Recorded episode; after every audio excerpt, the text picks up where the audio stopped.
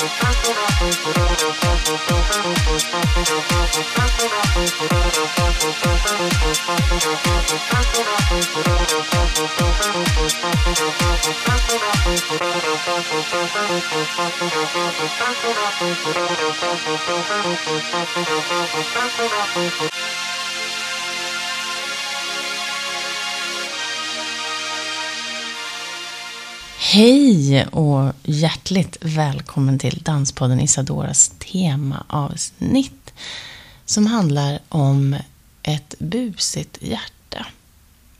Mitt hjärta. Hur det är sammankopplat med dans, det är helt enkelt för att jag är det. Och jag vill berätta om det eftersom det det senaste året verkligen påverkat min träning och framförallt min dans på ett för mig väldigt negativt sätt. Det intressanta är att när jag har varit öppen och berättat om det här så har jag fått höra så många historier, framförallt av kvinnor, att jag inser att det är mycket vanligare än, än jag visste och än jag trodde. Det är en ganska stor chans eller risk att du som lyssnar har liknande känningar eller känner någon som har det. Och därför så vill jag berätta den här historien.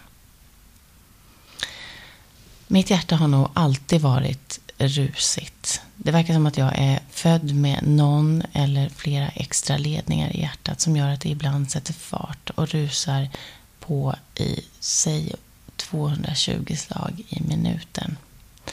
Det kallas regelbunden hjärtklappning har jag fått lära mig och kan till exempel medicineras bort. Men jag har tagit väldigt få mediciner för detta. Jag har faktiskt inte ens tänkt på att det skulle vara en fara eller ett behov som jag har. Jag har dykt i strömmiga vatten, simmat över sjöar efter vattenskidåkning. Jag har stått på scen med ett hårt arbetande hjärta jag har burit och fött två barn med all den påfrestning som det innebär. Och jag har aldrig sett de där rusningarna som ett fel på mig. De har inte heller hindrat mig från någonting. Förrän nu. Nu när jag får den här ruschen så kan det hända att jag är nära att svimma. Men hittills har jag inte gjort det. Alltså än.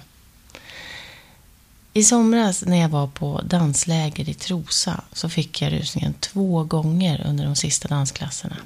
Och då var det verkligen nära pass out. Jag stapplade ut från danssalen och la mig med benen upp mot husväggen på den grusiga planen utanför. Och så tryckte jag hårt mot halspulsådern som jag har fått lära mig nu att man kan göra för att stoppa den här rusningen. Ett annat trick som läkare har gett mig är att dricka iskallt vatten för det är tydligen bra när, när det tar sig genom matstrupen förbi hjärtat och det kan också få då hjärtat att hoppa på plats igen. Man kan också trycka hårt mot ögongloben, men det gör ganska ont, bara så du vet. Man kan stoppa fingrarna i halsen för att trigga kräkreflexen. Och man kan hålla andan. Och det finns säkert ännu, ännu fler tips. Men det som fungerar absolut bäst för mig är alltså halspulsådern. Så den är min go-to när det rusar på. Det och att lägga sig med benen högt upp i luften. Det första minnet som jag egentligen har, det kommer nu från min mamma. Och det är någonting hon kommer ihåg alltså. Det var tydligen under en cykeltur tillsammans. Eh, mitt i en backe mellan Vittangi och Kåkså. Och ni som vet, ni vet var de här ställena ligger. Där satte det igång. Rusningen i kroppen tog tydligen över och jag orkade inte upp för backen. Det susade i öronen, vilket det ofta gjorde för mig. Jag hade ofta ont i öronen. Så min mamma sa att vi leder cyklarna. Och så gjorde vi det. Vi ledde de här cyklarna och väntade tills mitt hjärta slutade banka så hårt. Då var jag 14. Jag har inget minne av att jag någonsin har haft en rusning innan dess. Men det kanske jag har. Det jag bär med mig är att jag alltid har haft så svårt att få upp min kondition. Jag har skämtat många gånger om hur flåsig jag blir av att gå i trappor. Men jag blir alltid det. Det är som ett stigma. Det är som att det spelar ingen roll hur bra kondition jag har. För att går jag i trappor så är den konditionen som bortblåst. Jag har ju ändå sedan fem år tillbaka sprungit maraton, och jag springer i terräng, i skogen alltså. Och tränar i backar och jag intervallspurtar. Och mellan mina dansklasser så springer jag eh, och har trappat upp träningen så mycket att jag verkligen trivs med att få den här höga pulsen. Den lustkänslan har ju tyvärr verkligen avtagit sen mina rusningar tog fart på riktigt, som de gjorde under hösten 2018. Ett annat minne är när jag en gång stod mitt i ballettdansen på Balettakademin här i Stockholm. Vad var jag då? Jag var 22, 23 kanske.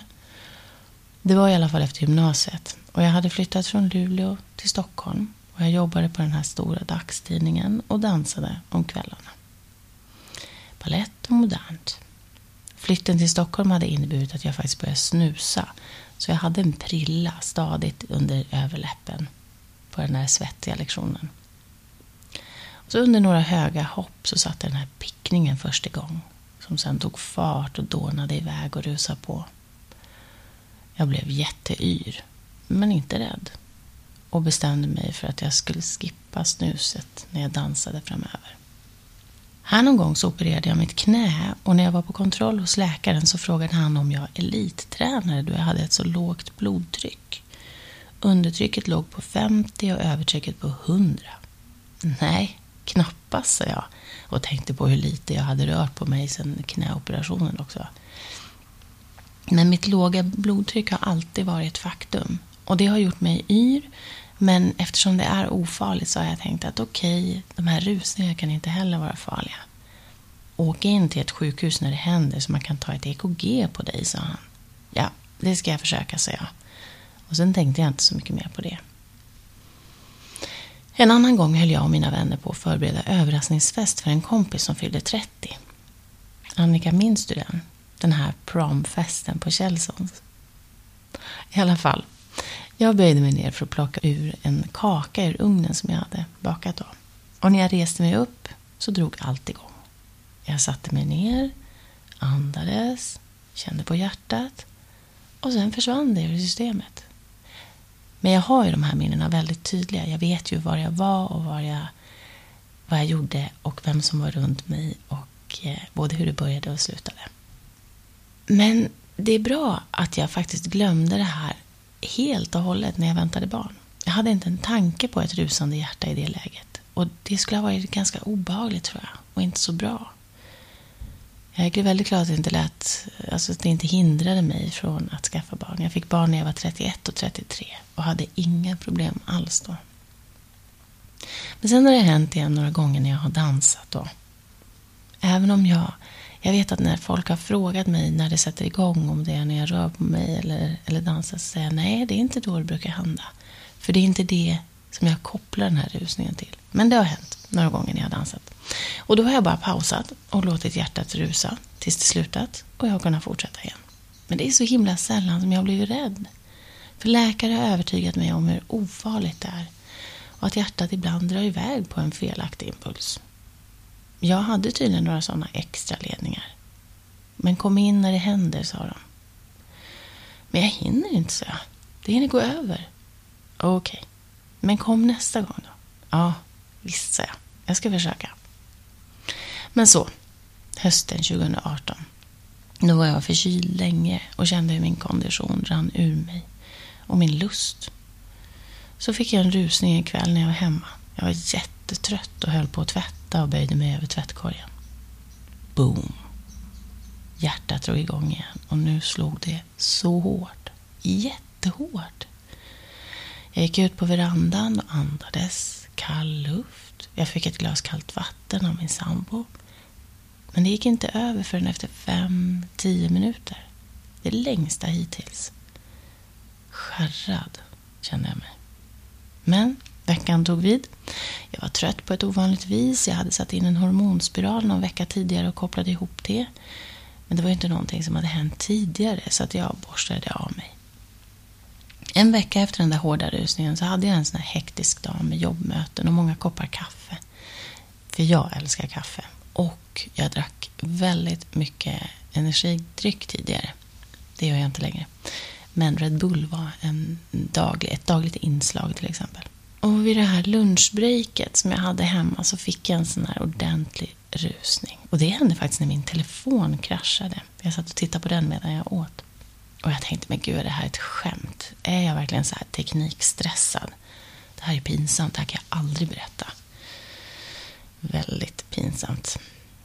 Men eftersom jag tycker att det är skönt med frisk luft när rusningen sätter igång så gick jag ut direkt och promenerade med det där hårt bankande hjärtat. Och så insåg jag först när jag gått ett tag att jag gick utan skor. Så jag vände tillbaka till hemmet och kände att hjärtat taktade av. Men jag var skärrad nu och hjärtat fladdrade och jag andades korta andetag. Och så drog det igång igen. Det har aldrig hänt tidigare. Nu blev jag faktiskt rädd på riktigt och ringde 112. Jag var nämligen ensam hemma då min sambo befann sig utomlands och jag var rädd för att svimma. Jag blev också rädd för att den här rusningen inte skulle sluta utan att den bara skulle fortsätta.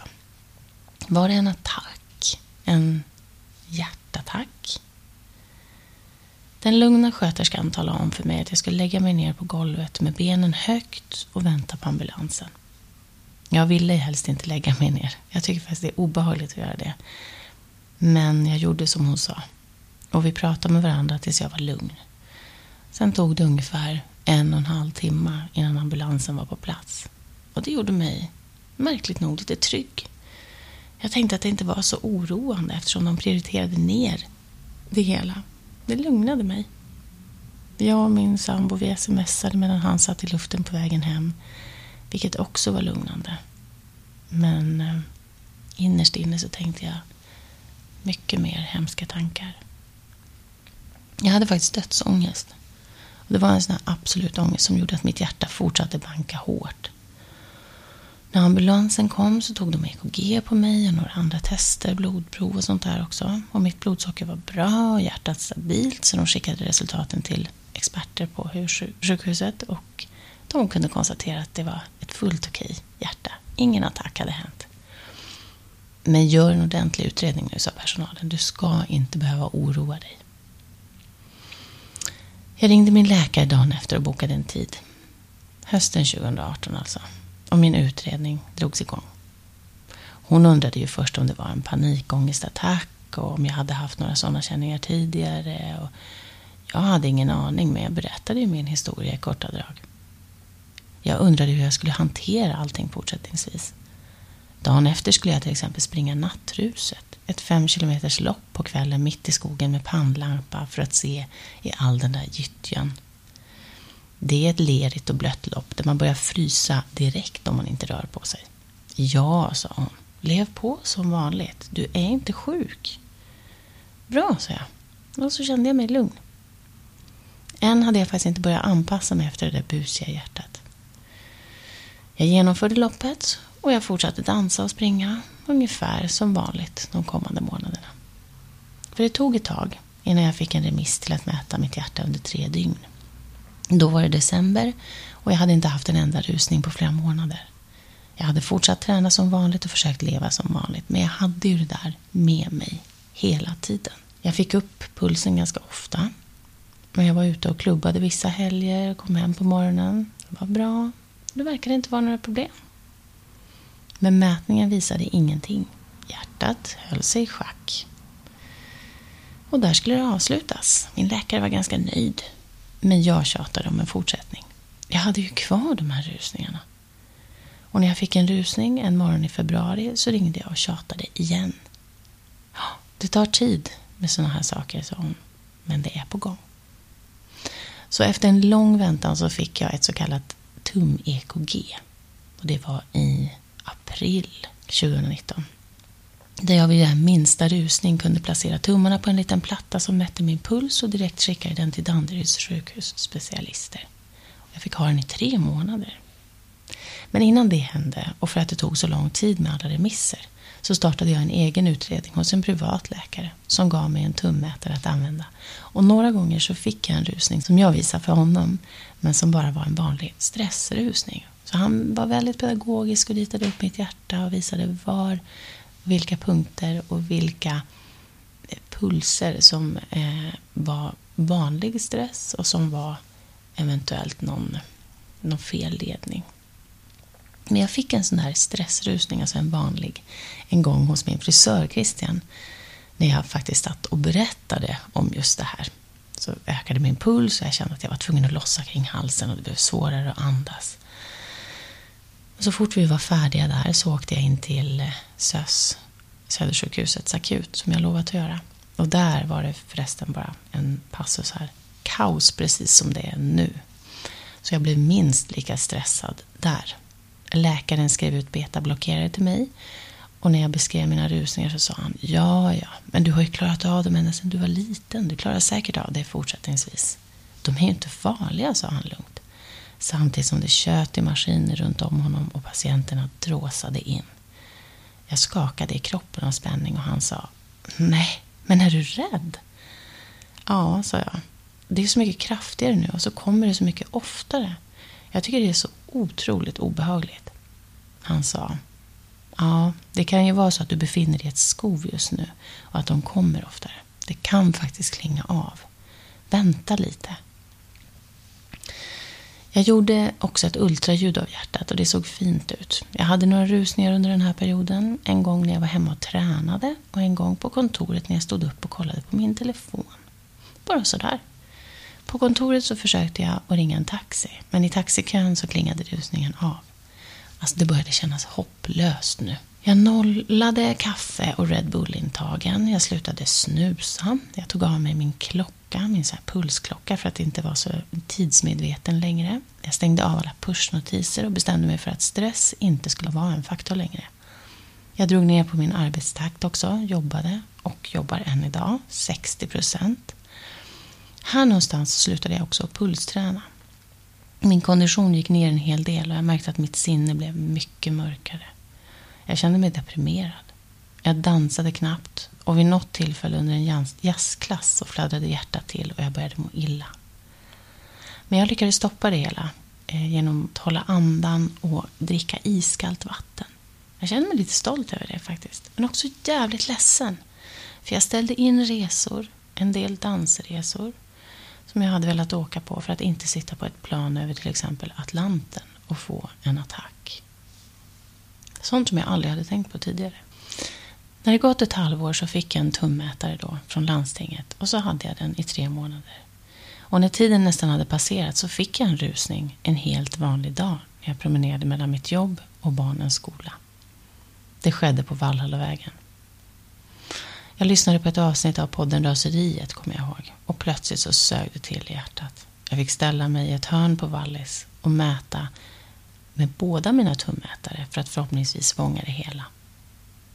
Jag visste att man kunde sabba det genom att inte hålla tillräckligt hårt och inte hålla tillräckligt löst heller. Man skulle inte trycka för hårt. Så jag var lite nervös att jag inte skulle lyckas fånga det här. Men efter tio minuter, för nu var det ungefär så länge, så var det över. Och jag kunde köra hem i bilen med två barn som blev 25 minuter för sent hämtade. Och de var lite sura för att jag hade lovat att komma i tid. Men jag svarade väldigt svävande för jag ville inte berätta och inte oroa dem. Idag så vet de om det, kan jag bara säga. Det visste de inte då. Några dagar senare så ringde min husläkare och förklarade strålande glad att man uppmätt en hög puls på mig mellan 185 och 220 och kunde konstatera att jag behövde undersökas vidare med ultraljud och konsultera specialistläkare som nästa steg. Hon var jätteglad och tyckte att mitt fall var spännande. Hon sa att hon skulle följa det.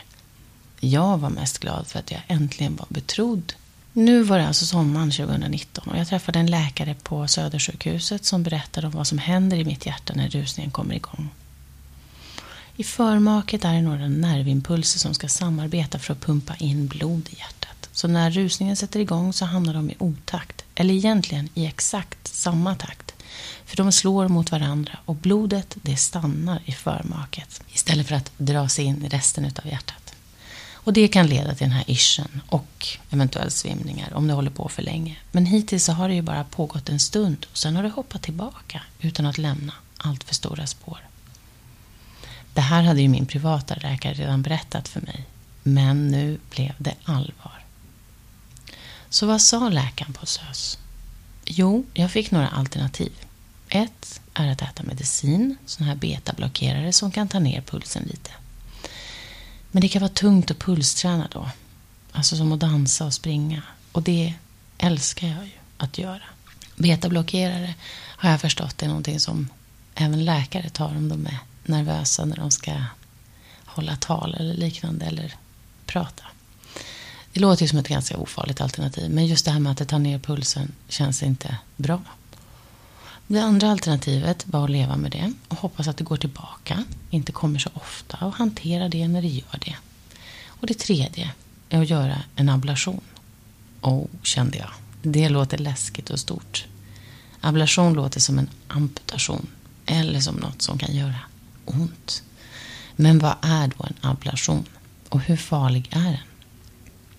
Det här är en undersökning där man går in i hjärtat med mikrosmå verktyg och letar upp de felaktiga impulserna i hjärtat och sen bränner eller fryser dem. Många blir tydligen helt bra efter en sån undersökning. Så det blev mitt val. Även om man är vaken under det här ingreppet och även om det kan ta uppemot sex timmar. Det vanliga är att det tar mellan en till två timmar när det är en sån här reguljär eller vanlig hjärtklappning. Men det kan ta uppåt sex timmar. Jag har ändå bestämt mig för att jag vill göra den här undersökningen. Och det här för att det kan leda till att jag blir av med rusningarna. Jag är väldigt orolig för den och tycker ärligt att det känns läskigt. Men samtidigt så är det så himla coolt att man kan göra den. Den sista rusningen hade jag nu bara för någon vecka sedan. Och den kom under en helt vanlig promenad. Jag kunde lägga mig ner i skogen och vänta ut den medan min kille höll om mig. Nu har jag en tid på Huddinge sjukhus när jag ska undersökas och det är därför jag berättar det här. För att jag har upptäckt att när jag berättar det så har jag fått höra så många historier som påminner om min. Det har också visat sig att flera har gjort den här undersökningen. Det som är bra med den här regelbundna hjärtklappningen är att det är väldigt stora chanser som sagt att man blir frisk. Eller som en läkare sa. Om de verkligen lyckas ta bort de här extra impulserna så behöver man faktiskt aldrig tänka på det igen. Man blir frisk i stort sett. Min privata läkare uppmanade mig verkligen att göra det här. Han sa, många åkommor i hjärtat är så svåra att behandla. Men det här är någonting som vi verkligen kan behandla. Det borde du verkligen göra för att du ska slippa tänka på det hela tiden. Och jag måste erkänna att det låter helt underbart jämfört med vad jag har känt den senaste tiden.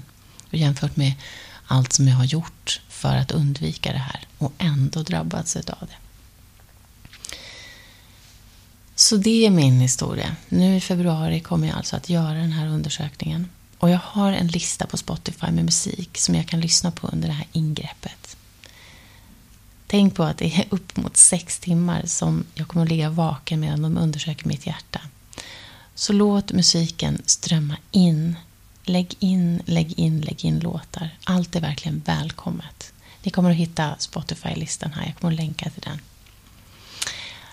Men med det här berättat så är det dags att vinka adjö för den här gången. Tack så jättemycket för att du har lyssnat. Och har du några frågor eller funderingar så vill jag inte att du ska tveka att höra av dig. Det kan handla om det här avsnittet eller om någonting annat såklart.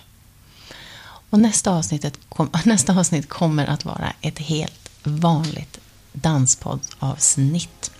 Och vi som gör den här podden heter i vanlig ordning Niklas Rimers och jag Anita MTN och vi finns där poddar finns.